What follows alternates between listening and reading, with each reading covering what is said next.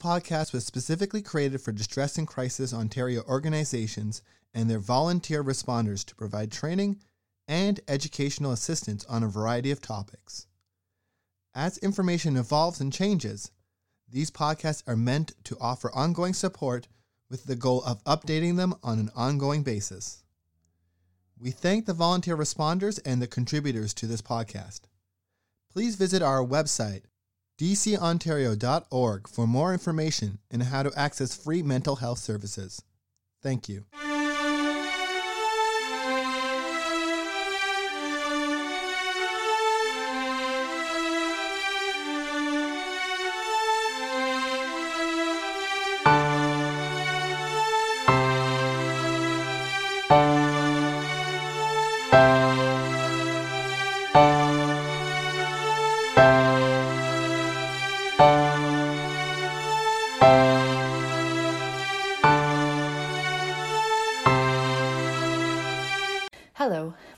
Caitlin Plant, and I am the Program Manager for Distress and Crisis Ontario.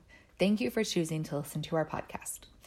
We hope everyone who celebrated Christmas had a wonderful holiday, and to anyone who does not celebrate Christmas, we hope that you had the opportunity to enjoy a time of peace and joy as well. As we know, the holidays can be a challenging time for many people for a multitude of reasons and can leave us feeling mentally overwhelmed, exhausted, or burnt out. Sometimes it can feel impossible to ask for help when it comes to our mental health. So, for this week's podcast, we'd like to talk about asking for support. We'll explore some signs that might suggest you need to seek out help, share some strategies you can use to ask for it, talk about why it's important to reach out, and finish by sharing some tips for how you can check in with someone who you think may need help. Please remember that our member centered distress lines are always happy to support you and help you explore resources in your area if you do not feel able to speak to someone you know. You can find your closest center by visiting www.dcontario.org forward slash locations, or you can reach out to ONTX between the hours of 2 p.m. to 2 a.m. Eastern Standard Time daily by clicking Looking for Support from any page of our website or by texting support to 258 258. Here are some signs or behaviors that might indicate a need for help. Please keep in mind that the earlier you ask for help, the quicker and more effective the help can be, but it is never too late to reach out. The first sign to look out for is if you're finding it difficult to concentrate on tasks you would normally not struggle with. For example, this may include changes in performance at work, poor productivity levels, feeling disconnected from a job that once made you happy, or possibly receiving feedback from management that your work quality and or concentration levels seem low. In a similar vein, it could be a good idea to ask for help if nothing is exciting you or bringing you enjoyment anymore.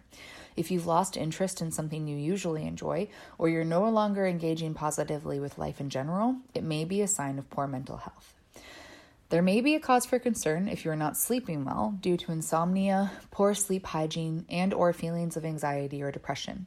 Not getting enough high quality sleep, sleeping at random times of day, or oversleeping can impede your ability to function and should never be ignored if the issue persists.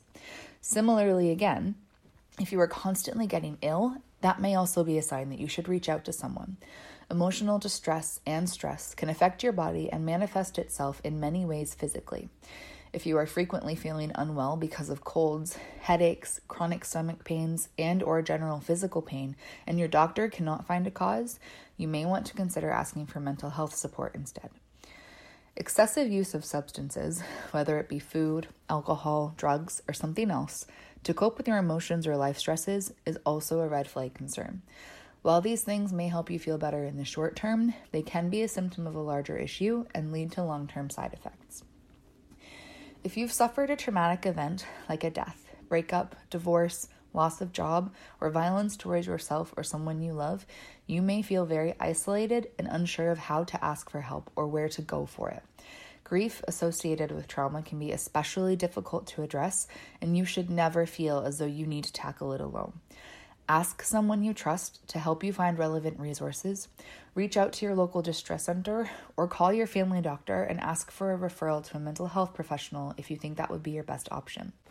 Our final sign that you might want to seek out help is if a friend, family member, or someone else you respect is openly concerned about you.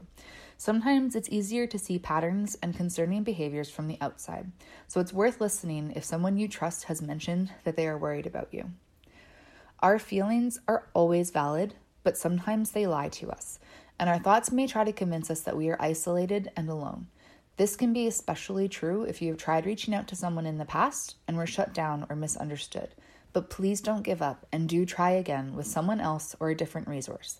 There are many people, places, and organizations that want to help.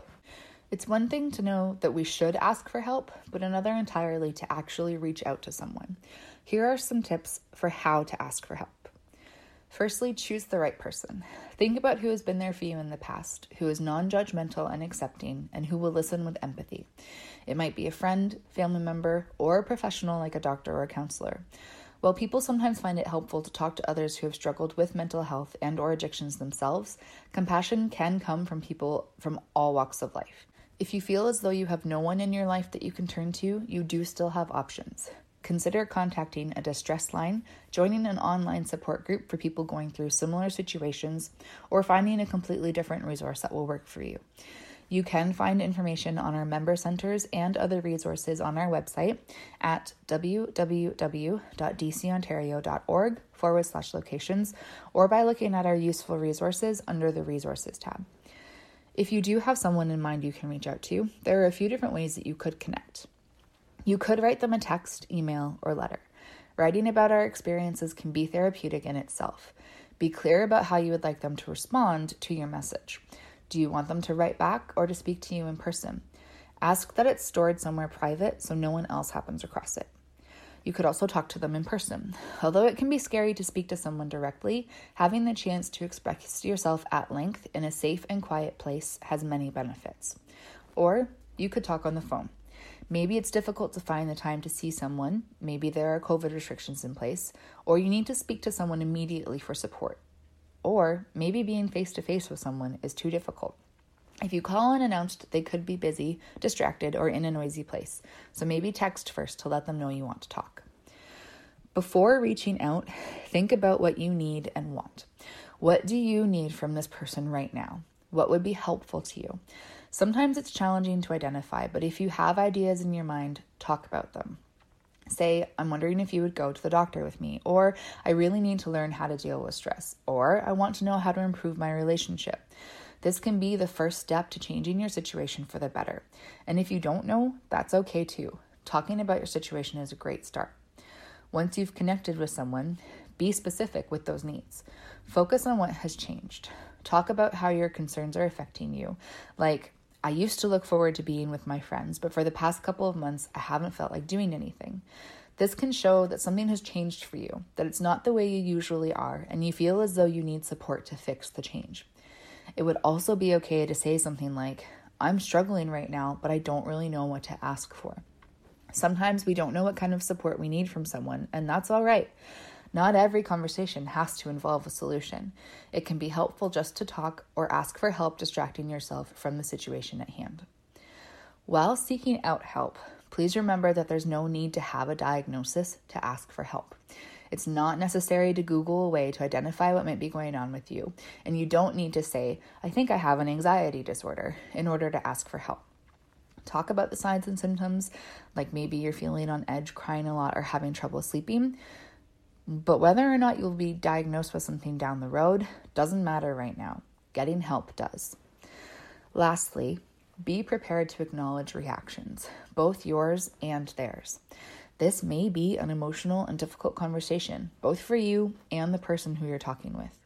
Be prepared for reactions from both sides, which may include confusion, sadness, shock, or any range of emotions.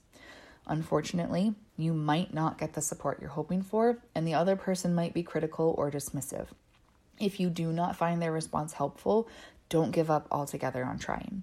Give the conversation another go with someone else who will hopefully be accepting and supportive.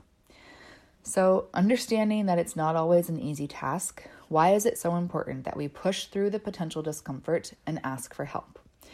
To start, if the conversation goes well, you will no longer be struggling alone. Seeking help means that you may be able to join or build a supportive community that understands what you're going through. This community can offer helpful and appropriate guidance and advice. You can build better relationships that are based on healthy, clear, and honest communication instead of isolating yourself and trying to face your problems alone. Asking for help reduces your risk for other medical issues. As already mentioned, poor mental health can also cause other medical issues. Poor sleep and sleep disorders, weight gain or loss, digestive problems, and other illnesses are all linked. Seeking help early on will minimize your risk of developing other health conditions later. Overall, asking for help can simply improve your quality of life, since getting help will assist you in strengthening your relationships and possibly meeting new friends. You'll also learn how to cope with challenges that arrive on a daily basis while discovering what does and does not work for you. This also means that you will be able to perform to the best of your ability in all other areas of your life, as your energy will not be drained by constantly trying to overcome things on your own.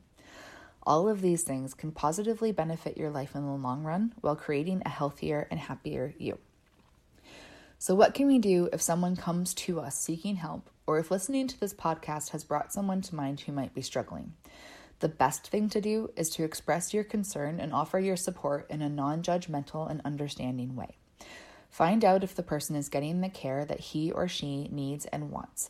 If not, help connect them to an appropriate support service. Remind your friend or family member that you care about them, that help is available, and that mental health problems can be treated. Ask questions, listen to ideas, and be responsive to their concerns.